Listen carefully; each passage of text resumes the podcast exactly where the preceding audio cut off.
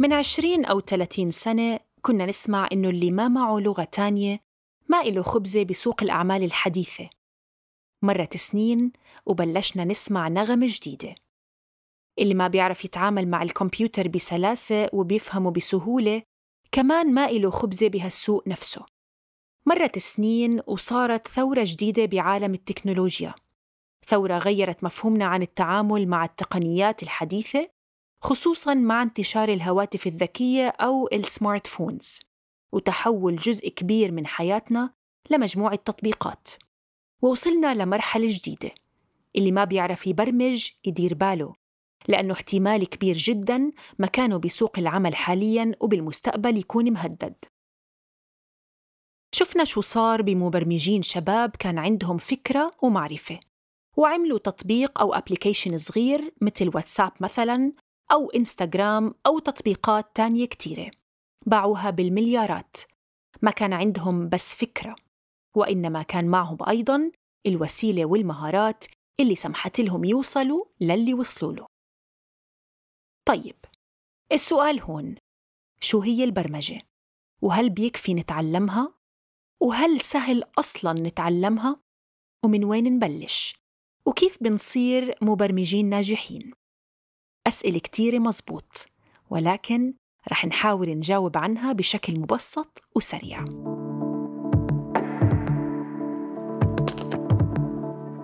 هاي الحلقة الأولى من بودكاست مختصر مفيد ورح أكون معكم بالتقديم أنا سامي عايش. بهالبودكاست من إنتاج منصة صوت ومنصة إدراك رح نحكي عن مواضيع متنوعة معارف عامة عن هالعالم اللي بنعيش فيه. ورح نحاول نقدم لكم مهارات مفيدة للتكيف معه.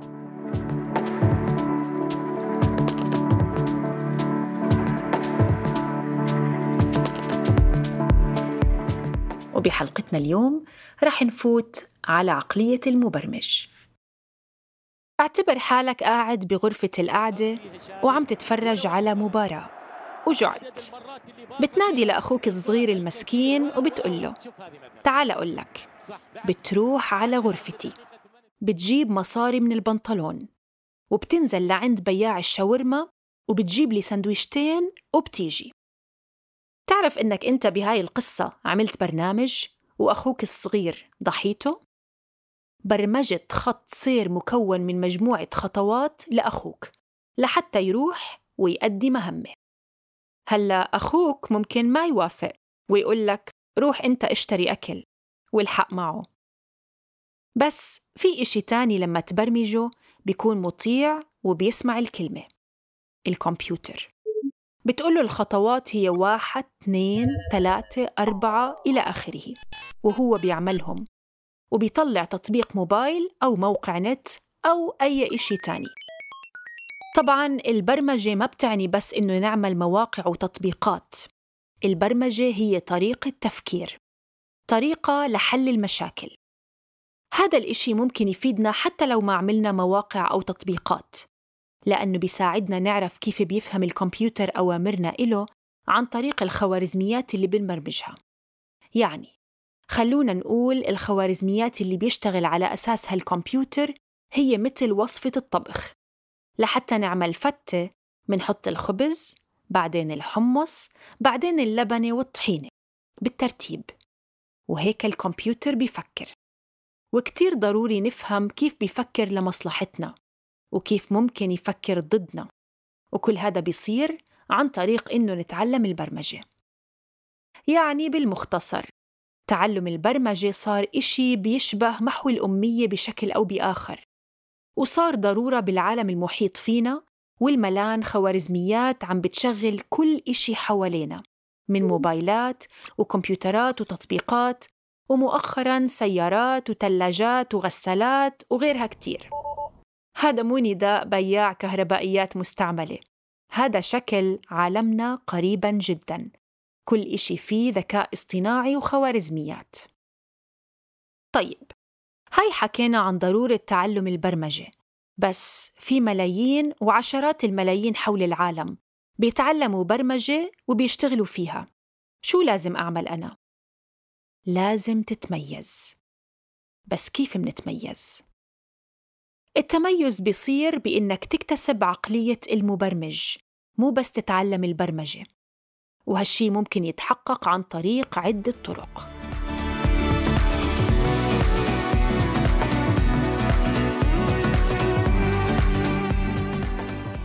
لما المبرمجين بيجيبوا ناس على يوم مفتوح لتعليم البرمجة وشرح ماهيتها بيشوفوا إنه الأطفال بيتعلموا بسرعة والكبار لا.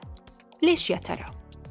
الأطفال ما بيخافوا من التجريب بيتقبلوا إنهم يغلطوا وما بيخافوا من مسؤولية الخطأ. أما الكبار فعندهم حالة خوف من المجهول ومن المسؤولية المترتبة على خوض تجارب جديدة ممكن تأثر على صورتهم الخارجية. وأسباب تانية كتيرة بتخليهم يخافوا من الموضوع. بالتالي من أول الشغلات اللي لازم تكتسبيها لما تقرري تفوتي بمجال البرمجة هي الشجاعة بالدخول لمجالات جديدة. الشجاعة بتجريب لغات برمجة حديثة ولو كان الموضوع بأوله صعب كتير مفيدة لأنها بتقوي وبتكسب مهارات جديدة. ولو بالأول بتكون الإيد تقيلة والشغل بطيء بس شوي شوي كل شي بيتحسن والخوف والتوتر بيروحوا. نفس هالخوف والتوتر بيصيروا معك لما تغيري لشغل جديد مثلا وبالتالي تحدي الخوف هو خطوة كتير مهمة. وهيك لحتى نتطور ونتحسن لازم نتبنى عقلية التطور والنمو والتعلم الدائم لأنه إذا ما عملنا هيك يمكن يفوتنا قطار التطور. ونلاقي حالنا متأخرين عن الناس اللي كانت عنا وعندهم نفس المهارات. يعني أي مهارة بدك تكتسبها شو ما كانت حتى غير البرمجة لازم تتبع فيها نفس الخطوات. تواجه خوف البداية تقرأ كتب عن الموضوع تمارسه تسأل الخبراء فيه ومع الوقت كل إشي بيصير. واللي كان مبين صعب ومستحيل وبيخوف بتتعود وبتسيطر عليه؟ لتروح للي بعده طيب واجهنا وجربنا واشتغلنا كتير بس بلحظة معينة اكتشفنا إنه صار في بق أو خطأ بمكان ما من شغلنا كيف يا ترى نعرف وين الغلط؟ وشو هو الغلط أساساً؟ الخبراء هون بيقولوا إنه لازم تكتسب مهارة ال debugging اللي بتساعدك تلاقي المشاكل وتحلها وأول إشي لازم نعمله هو إنه نحط احتمالات للأخطاء أو ال bugs اللي صارت. يعني نحاول نحزر المشكلة جاية من وين. هاي العملية بتتم عن طريق مراقبة نتائج كل احتمال حطيناه. وعلى التجريب ضل جرب واخطئ لحتى تلاقي المشكلة وتحلها. صحيح الموضوع رح ياخد وقت كتير بس هذا الوقت بيروح بالبداية بس. ومع التجريب الكتير والأخطاء الكتيرة والبحث والتدريب مهارتك بحل المشاكل رح تتطور وسرعتك رح تزيد بشكل كبير. وبالتأكيد هاي العملية اللي حكينا عنها بتنعمل بأدوات برمجية. يمكن تكون بتعرفها ويمكن لأ. لهيك لازم تبحث منيح إذا غيرك وقع بنفس المشكلة وطور أداة لحتى يحلها.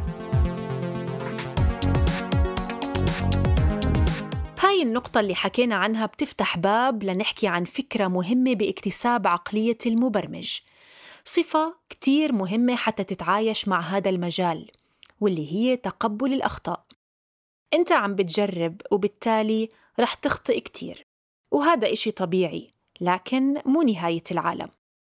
ارتكاب الخطأ هو خطوة لتصير معلم بالبرمجة وكل اللي اشتغلوا بال JavaScript وال PHP و Ruby بيعرفوا إنه الخطأ هو جزء أساسي من الشغل بالبرمجة. المهم نتعلم مهارات جديدة تساعدنا حتى نتجاوزها.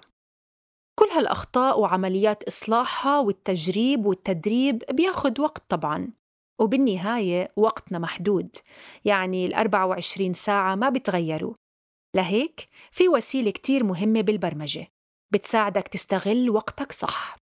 وتصير فعال أكتر بإنجاز المهام أو اكتشاف الأخطاء ومعالجتها.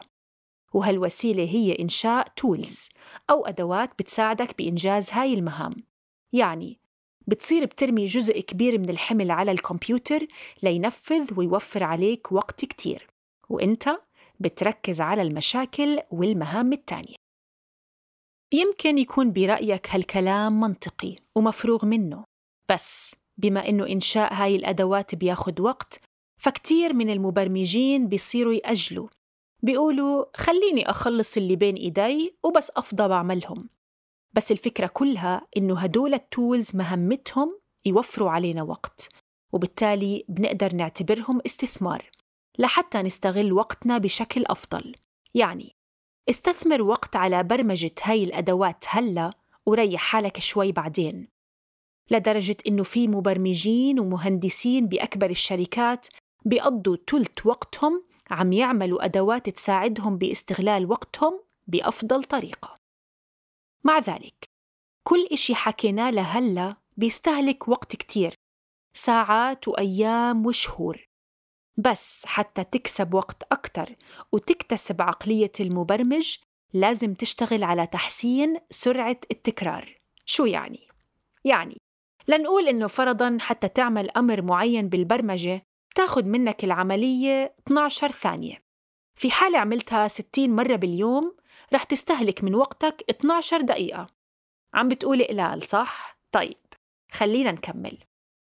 إذا تعلمت اختصار بسيط على الكيبورد بخليك تعمل نفس العملية بس بثانيتين بدل 12 وهالعشر ثواني توفير اللي يمكن مش عاجبينك كتير بيوفروا عشر دقائق بس تنفذ الأمر 60 مرة. وبالورقة والقلم هالاختصار هاد بخليك توفر 40 ساعة بالسنة. طيب تخيل حالك تعلمت اختصارين كمان. هاي وفرت شهر كامل. زاد معك شهر كامل فيك تشتغل فيه على شغلات تانية كتيرة. وبالتالي تعلم توفير الوقت بالعمليات المكررة بيخليك تختصر وقت كتير وتستغله بشكل أفضل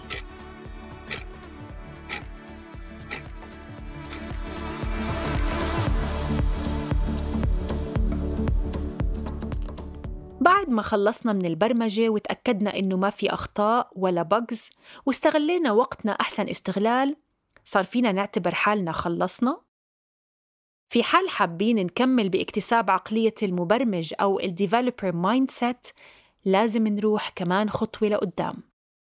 لأنه إنهاء البرنامج هو بداية الشغل عملياً مو نهايته. إذا تركت الشغل يلي اشتغلته بدون ما تحطه بسياقه وتختبره بالشغل والتفاعل مع باقي أجزاء ال codebase فالبرنامج ما أدى مهمته أصلاً. لازم الشغل اللي تعبت عليه يكون منتج ويكون جزء من كل مهمة بالشركة أو بنظام كبير شغلك هو مسنن فيه شو يعني؟ يعني من أهم عوامل اكتساب عقلية المبرمج هي توظيف شغلك بال system أو النظام ككل وتطلع من التفكير بالكود وبس لازم تبدأ تسأل حالك شوية أسئلة يا ترى جربت البرنامج أو الكود بشكل كافي؟ هل رح يوافق عليه قسم الجودة بالشركة مثلاً؟ وهل رح يتوافق ويتماشى مع شغل الناس التانيين؟ هل رح يكون مفيد للنظام كله بشكل عام ورح يحسن أدائه؟ وفي حال كان هناك احتكاك مباشر بينه وبين العملاء أو الزباين فهل عم بيلاقوا التعامل معه مريح وواضح؟ وبالنهاية هل رح يعطي النتيجة المنتظرة للبزنس كله؟ أكيد هاي أسئلة صعبة بس أجوبتها رح تفيدنا بإنه نطور شغلنا ونشوفه بالسياق اللي انعمل أصلاً عشانه. وبتخلينا ناخد الجوانب الإيجابية ونترك السلبية ونطور مهاراتنا. ومثل ما حكينا عن مهارات ضرورية كتير لنكتسب عقلية ومهارات المبرمج الناجح خلينا نحكي عن كم نقطة لازم نبعد عنهم لنحقق هذا الإشي. أول وأهم إشي هو إنه ما نتوقع إنه كل شيء أو أي شيء رح يجي بسرعة. كل شيء لازم ياخد وقته تماماً مثل الرياضة. لا تتوقعي تعملي عضلات من أول يوم وبنفس التفكير لا تستعجل وتفوت بعدة لغات برمجة تتعلم منها إشي سطحي وتطلع بالآخر بدون ما تكون تعلمت ولا إشي فعلياً. ثانياً أحياناً ضروري إنه نترك إشي عم نشتغل فيه. بدون ما ننجزه ونروح نجرب إشي جديد. وإلا رح نفوت بحالة رتابة مملة وإنتاجيتنا كل مالها بتقل. يعني طبق المقولة اللي بتقول العبقرية هي معرفة متى يجب أن تتوقف. وهون نفس الشيء ثالثاً إذا كنت ما عم تشتغل لا تستنى حتى تشتغل لتتعلم. تقدر تتعلم لحالك. تعمل شغل أصلا لحالك. وتطبق عمليا اللي عم تتعلمه نظريا.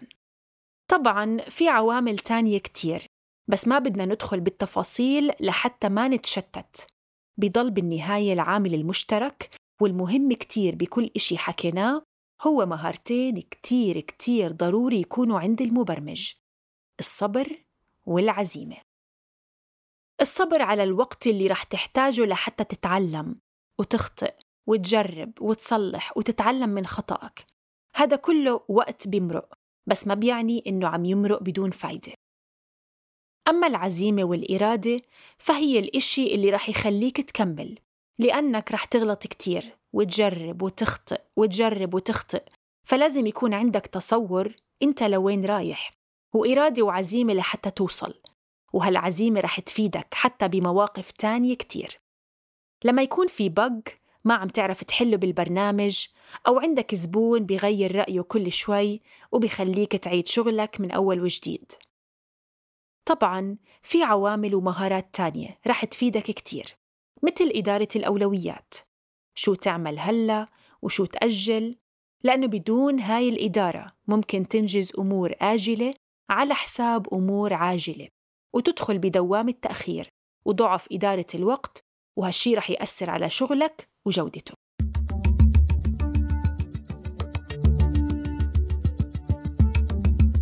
بالنهاية إنك تكون مبرمج هذا إشي مش سهل بس ممكن تتعلمه ومع الممارسة بيصير سهل. أما اكتساب مهارات المبرمج وعقليته فهي جوانب صعبة من الموضوع لأنه هالعوامل بتخليك تتميز بتخليك تجرب إشي جديد تتقن شغلك تستغل وقتك صح. وتكون إنتاجيتك مرتفعة. وهالشي بيلزمه تدريب دائم وتعلم دائم ومواكبة آخر التطورات. وهالشي متوفر وبسهولة في الرحلة التعليمية المجانية لتعلم البرمجة واللي راح تلاقوها بالرابط بوصف الحلقة. وبتقدمها إدراك. إحدى مبادرات مؤسسة الملكة رانيا في الأردن. بودكاست مختصر مفيد. من إنتاج منصة صوت ومؤسسة إدراك. كنت معكم في التقديم سامي عايش وبالكتابة والبحث بشر نجار وبالتحرير لما رباح وبالتصميم الصوتي حسان مهرة.